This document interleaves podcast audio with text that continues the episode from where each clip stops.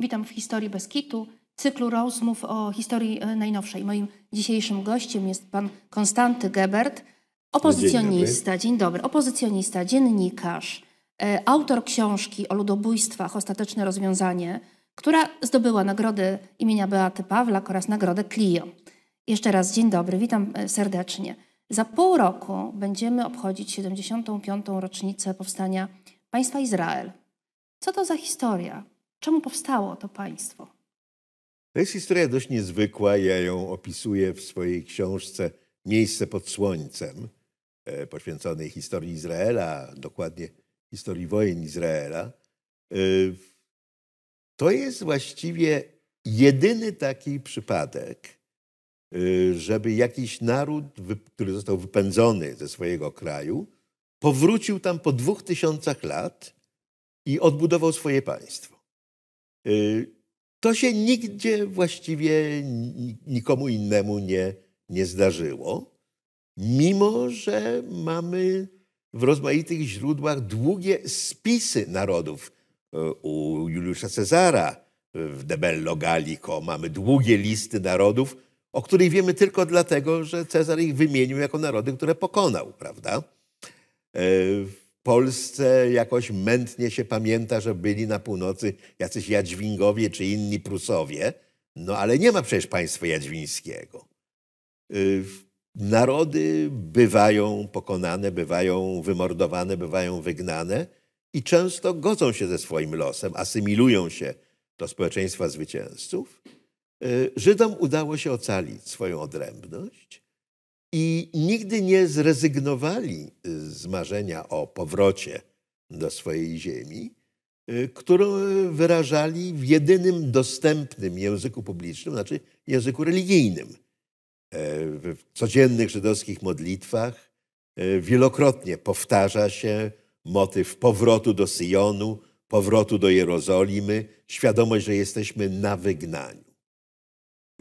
Czasem bywało tak, że podejmowano takie próby powrotu. Może najgłośniejszym takim przypadkiem jest historia e, fałszywego Mesjasza, Szaptaja Cwi, e, który ogłosił, że jest Mesjaszem i w związku z tym e, nastąpi powrót Żydów do, do swojej ojczyzny, roku 1648. I w zachodniej Europie tysiące Żydów sprzedawało swój dobytek za bezcen i ładowało się na statki płynące do Palestyny, będącej wówczas zapomnianą prowincją Imperium Otomańskiego, żeby być przy odbudowie żydowskiego państwa.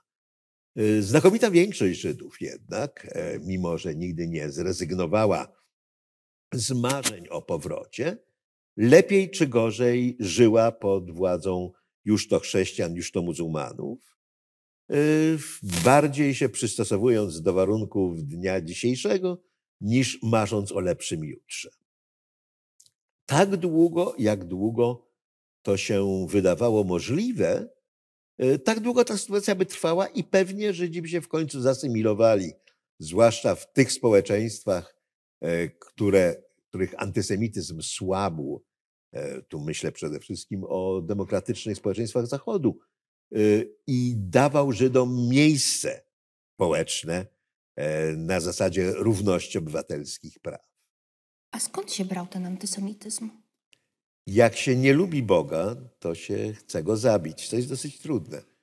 No to przynajmniej próbuje się zabić tych, poprzez których Boże przesłanie poszło w świat. E, I chrześcijaństwo, i islam e, zgodnie uważają, tak jak uważają też Żydzi, że Bóg światu objawił się na górze Synaj, nadając światu swoje prawo. Y, to jest y, wyjaśnienie religijne i rzecz jasna nie, ma, nie można od nikogo wymagać, by, by je akceptował. Natomiast y, Żydzi byli, byli idealną ofiarą, bo z jednej strony budzili zawiść tym na przykład, że inaczej niż średniowiecznych społeczeństwach Żydzi mieli pieniądze. Żydzi mieli pieniądze dlatego, że nie mogli posiadać ziemi. To było zabronione w chrześcijańskiej Europie. W związku z tym y, lokowali swój dobytek czymś innym, a więc łatwiej było grabić, a zarazem byli bezbronni, bo jako mniejszość przeklęta przez Boga, tego nauczał Kościół, e, nie zasługiwali na, na żadną obronę. A po trzecie, e, religia żydowska jako warunek stawia studiowanie pisma, a więc Żydzi nie mogą być analfabetami. W sytuacji powszechnego analfabetyzmu, e, to, że Żydzi się porozumiewają jakimiś tajnymi znaczkami, których nikt nie rozumie, czyli piszą do siebie alfabetem hebrajskim, już było wystarczającym powodem do tego, by ich nienawidzić. Ale Boi, wydawało... Boimy się obcego. Boimy się obcego, tym bardziej, jeżeli zarazem na tym strachu możemy zarobić. Tak? Ale wydawało się, że postęp demokracji w XIX wieku e, antysemityzm unieszkodliwia, e, zwłaszcza demokraci, liberałowie wiązali wielkie nadzieje z Francją republikańską, y, gdzie doszło do procesu Dreyfusa, francuskiego oficera, Żyda, oskarżonego, jak się potem okazało, fałszywie o to, że był niemieckim szpiegiem. W pierwszym procesie Dreyfus został skazany na 20 lat więzienia za rzekome szpiegostwo i przez Paryż przetoczyły się ogromne demonstracje pod hasłem śmierć Żydom. Y, co do tej pory wydawało się możliwe no, tylko w dzikiej autokratycznej Rosji, a nie w liberalnej, demokratycznej Francji. I austriacki dziennikarz Theodor Herzl e, z zasymilowanej żydowskiej rodziny, był korespondentem dziennika Die Presse e, w Paryżu, zobaczył to i doszedł do wniosku, że jeżeli tak to wygląda e, w najbardziej postępowym kraju Europy, to dla Żydów nie ma w Europie przyszłości i że muszą po prostu Europę opuścić a więc wrócić do swojej historycznej ojczyzny i tam odbudować państwo. I wszyscy uważali to za jakiś pomysł kompletnie absurdalny. E, Herzl miał zresztą dość e, e, utopijny pomysł na to, jak to zrobić, mianowicie stworzyć międzynarodową korporację finansowaną ze sprzedaży akcji, która po prostu wykupi te ziemię od sułtana. To zakładało, że sułtan będzie chciał się rozstać z ziemiami, które podbił, że Watykan zgodzi się, żeby Żydzi wrócili do Ziemi Świętej, a Watykan uważał, że Żydzi są narodem potępionym.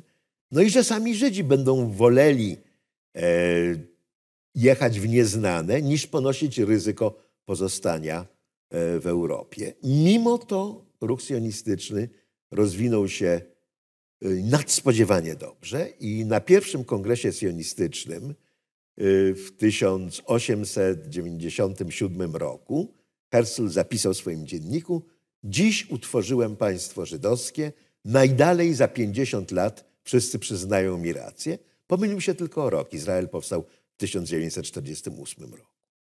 Emigracja żydowska e, z Europy do Izraela zaczęła się już pod koniec XIX wieku.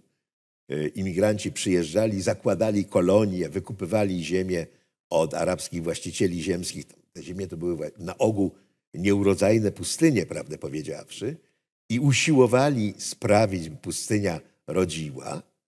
E, zarazem w ogromnej większości byli to ludzie nienawykli do pracy fizycznej, bo jak się rzekło, Żydom nie wolno było posiadać ziemi, tak? Więc tam się musieli uczyć rolnictwa od podstaw.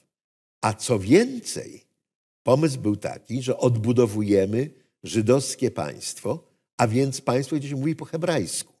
Hebrajski był językiem martwym. E, używano go wyłącznie do nabożeństw. Natomiast w codziennej komunikacji Żydzi posługiwali się albo językiem kraju, w którym żyli, albo językiem jidysz w Europie, który był mieszaniną e, słów e, hebrajskich, niemieckich i słowiańskich. Ten hebrajski, którym mieli mówić, był wymyślony od zera właściwie bo ten język nie ewoluował przez 2000 lat, tak? przez y, żydowskiego lingwistę Ben Jehudę. I tego hebrajskiego uczono dzieci w przedszkolach i szkołach, a bardzo często było tak, że y, imigranci składali ślubowanie, że będą rozmawiać tylko po hebrajsku, co znaczyło, że bardzo długo nie mogli rozmawiać ze swoimi dziećmi, tak? bo dzieci mówiły w obcym języku. Znaczy poziom poświęceń, jaki trzeba było włożyć w to, y, żeby cokolwiek tam powstało, jest niewyobrażalny. Na początku XX wieku założono Tel Awiw, pierwsze hebrajskie miasto na świecie, w którym na początku mieszkało całe 400 osób. Tak? To było biedne przedmieście arabskiej Jafy. I pewnie tak by to zostało. To znaczy jakiś taki dość zdumiewający eksperyment społeczny, ale nic więcej. Gdyby nie to, że po I wojnie światowej okazało się, że rzeczywiście w Europie nie ma przyszłości dla Żydów. E, podczas y, wojen na dawnych polskich kresach, gdzie Polacy walczyli z Sowietami, e, z ukraińskimi nacjonalistami, anarchistami i oni wszyscy walczyli między sobą, wymordowano około 200 tysięcy Żydów. Było jasne, że no, w tej części Europy Żydzi nie mają czego szukać. E, kraje zachodnie zamykały się na żydowską imigrację, tak jak teraz wszyscy zamykają się na imigrację e, z krajów arabskich czy z Afryki Północnej. I coraz bardziej okazywało się, że no, oprócz Palestyny nie ma innego miejsca. Więc jechali tam ludzie ideowi, którzy chcieli budować żydowskie państwo, i jechali tam przerażeni emigranci, którzy musieli opuścić swój kraj, na przykład Żydzi niemieccy po objęciu władzy przez Hitlera. Tyle tylko, że Wielka Brytania wówczas sprawowała władzę mandatową w Palestynie i bardzo rygorystycznie kontrolowała imigrację żydowską, żeby nie narazić się arabskiej większości, e, na którą, bez której brytyjskie imperium nie mogłoby funkcjonować. Tak? E, Brytyjczycy siłą powstrzymywali nielegalną imigrację, E, pierwsze osoby, które zginęły od kul brytyjskich w II wojny światowej, to byli żydowscy imigranci na statku Tiger Moth, ostrzelanym przez Brytyjczyków 2 września 1939 roku, kiedy złapali statek, który nielegalnie przypłynął do Palestyny z transportem imigrantów z Europy. Żydzie, y, Brytyjczycy egzekwowali ten zakaz żydowskiej emigracji przez całą II wojnę światową. E, inna rzecz, że z terytoriów okupowanych wyjechać było bardzo trudno, e, okupowanych przez Niemcy. Natomiast ci, którym się udało, z reguły grzęźli w Stambule, bo Brytyjczycy uprzedzali Turków, że mają nie wypuszczać dalej, bo Brytyjczycy i tak nie wpuszczą. Jest słynna historia statku Struma, e, który opuścił rumuński port w Konstancy z ponad tysiącem żydowskich emigrantów na pokładzie. Y, który dopłynął z trudem do Stambułu, to była e, ruina, nie statek. Y, Turcy nie pozwolili mu na dalszą żeglugę, żeby się nie narażać Brytyjczykom. Y, nie pozwolili Żydom, żeby zeszli z pokładu, żeby się nie narażać Niemcom. A po dwóch tygodniach deliberacji po prostu turecki holownik odholował strumę na Morze Czarne i tam ją zostawił. Wówczas już statek nie miał silnika i tam została storpedowana przez sowiecką łódź podwodną. Ocalała jedna osoba. Y, a gdy skończyła się druga wojna, y, w obozach w Niemczech y, były dziesiątki, a potem setki tysięcy żydowskich uchodźców uciekających, ci, ci, którzy przeżyli niemiecką zagładę, uciekających z terenów, na których już nie mogli żyć. No z Polski po pogromie kieleckim uciekło w ciągu kilku miesięcy prawie 100 tysięcy ludzi. Tak? I oni już nie, nie liczyli na żadną Amerykę, nie liczyli na nikogo, wiedzieli, że y, świat Żydów ratować nie będzie. W związku z tym jedyna szansa, żebyśmy przeżyli, jest utworzenie naszego własnego państwa. Y, Ale to okazało się nie, nie, nieproste. No to się okazało nieproste, dlatego że Brytyjczycy byli temu kategorycznie przeciwni. Y, I właściwie, to zresztą przed głosowaniem w ONZ w 1947 roku, wszyscy eksperci polityczni tłumaczyli działaczom żydowskim, że do tego, żeby rezolucja o tym, by mandat brytyjski, czyli brytyjską mandatową Palestynę, podzielić na dwa państwa, żydowskie i arabskie, co było celem e, działaczy żydowskich, do tego jest potrzebne, żeby Amerykanie i Sowieci głosowali tak samo. A kiedy to się ostatni raz wydarzyło? No nigdy, tak? E, tymczasem e, Sowieci postanowili zagłosować za podziałem Palestyny, w nadziei, że państwo żydowskie będzie państwem lewicowym, prosowieckim, a tym samym utrudni życie Anglikom. Zaś Amerykanie postanowili poprzeć podział Palestyny w nadziei, że imigracja żydowska skieruje się do Palestyny, a nie do Stanów. I przegłosowano wtedy w ONZ podział mandatu brytyjskiego w Palestynie na dwa państwa, żydowskie i arabskie. Strona żydowska ten podział zaakceptowała, mimo że granice były zupełnie absurdalne. Strona arabska, y, to znaczy 14 państw arabskich, które były członkami ONZ-u, to odrzuciła, uważając, że Żydzi nie mają żadnego prawa osiedlać się w Palestynie, że niech sobie jadą gdzie indziej, to nie nasze zmartwienie. E, I kiedy Izrael ogłosił niepodległość w 1948 roku, y, w kilka godzin po tym, jak premier Ben Gurion odczytał w radio w Tel Awiwie deklarację niepodległości, y, Izrael został zaatakowany przez armię pięciu sąsiednich państw arabskich. Egipcjanie zbombardowali Tel Awiw. Y, większość opinii światowej uważała, że to państwo nie ma szans przetrwać z bardzo prostego powodu. Izrael był pomysłem na państwo. Dookoła były realne państwa z armiami, z artylerią i lotnictwem. Żydzi mieli to, co zdołali przemycić wbrew brytyjskim kontrolom. Przemycić można broń strzelecką. Nie da się przemycić ciężkich bombowców ani artylerii, tak? I rzeczywiście na, w, w pierwszych dniach kampanii yy, Izrael ponosił straszliwe klęski. Różnica jednak polegała na tym, że Żydzi naprawdę nie mieli gdzie się wycofać. Że za plecami mieli morze i było jasne, że do, do Europy, gdzie właśnie podjęto wcale udaną próbę ich wymordowania, powrotu nie ma. Więc Żydzi nie mieli wyboru. Y, zginęło ponad 6 tysięcy ludzi, y, z których przynajmniej połowa to byli ludzie, którzy właśnie dotarli do Izraela bo już wreszcie można było, już nie było brytyjskiej blokady, e, z reguły słowa po hebrajsku, dostawali karabin, szli walczyć, nie bardzo w ogóle wiedzieli, co się dzieje w tej wojnie, ginęli masowo, ale to była taka determinacja, jakiej armie państw arabskich nie mogły zrównoważyć, tym bardziej, że Arabom przynajmniej w takim samym stopniu jak na pokonaniu Żydów zależało e, na zdobyciu dla siebie jak największego terytorium. Kiedy w końcu pod auspicjami ONZ y, przeprowadzono rozmowy pokojowe i został przyjęty rozejm, bo nawet nie, nie było żadnego traktatu pokojowego, to te linie rozejmu yy, oznaczały, że powstał Izrael w terytoriach nieco większych niż te, o jakich mówiła rezolucja Zgromadzenia Ogólnego ONZ. Natomiast yy, z pozostałych terytoriów y, Jordania przyłączyła sobie zachodni brzeg, na którym miało powstać niezależne arabskie państwo w Palestynie. Egipt zaś y, zajął strefę gazy.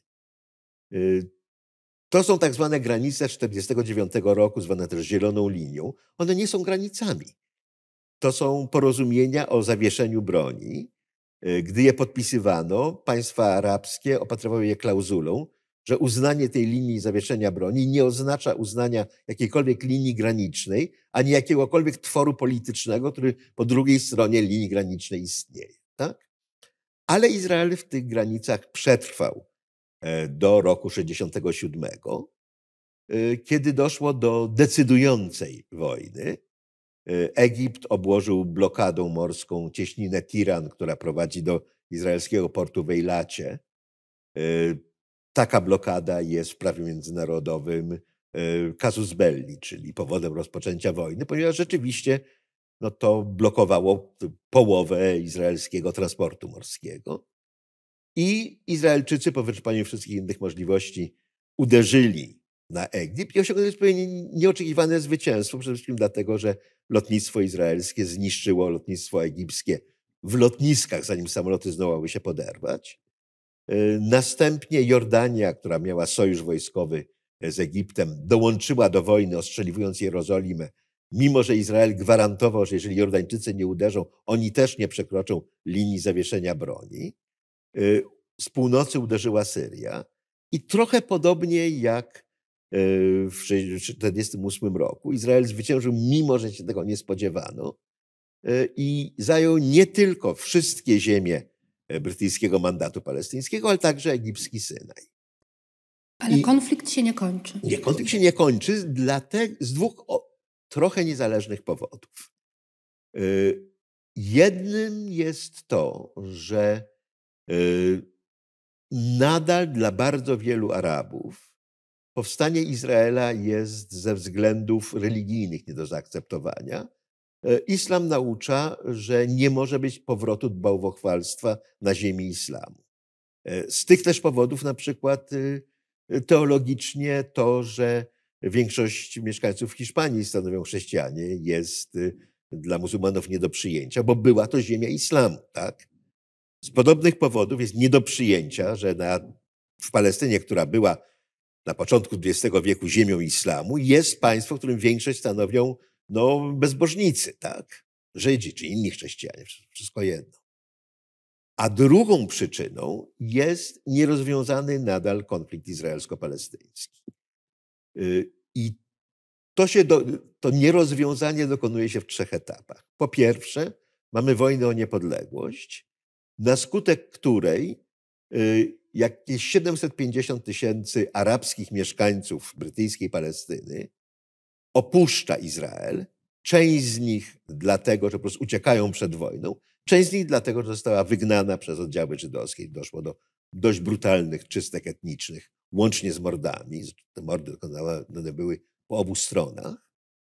Y, pozostało około ćwierć miliona Arabów, którzy dzisiaj e, stanowią 20% ludności Izraela, e, więc ta ich liczebność wzrosła prawie dziesięciokrotnie.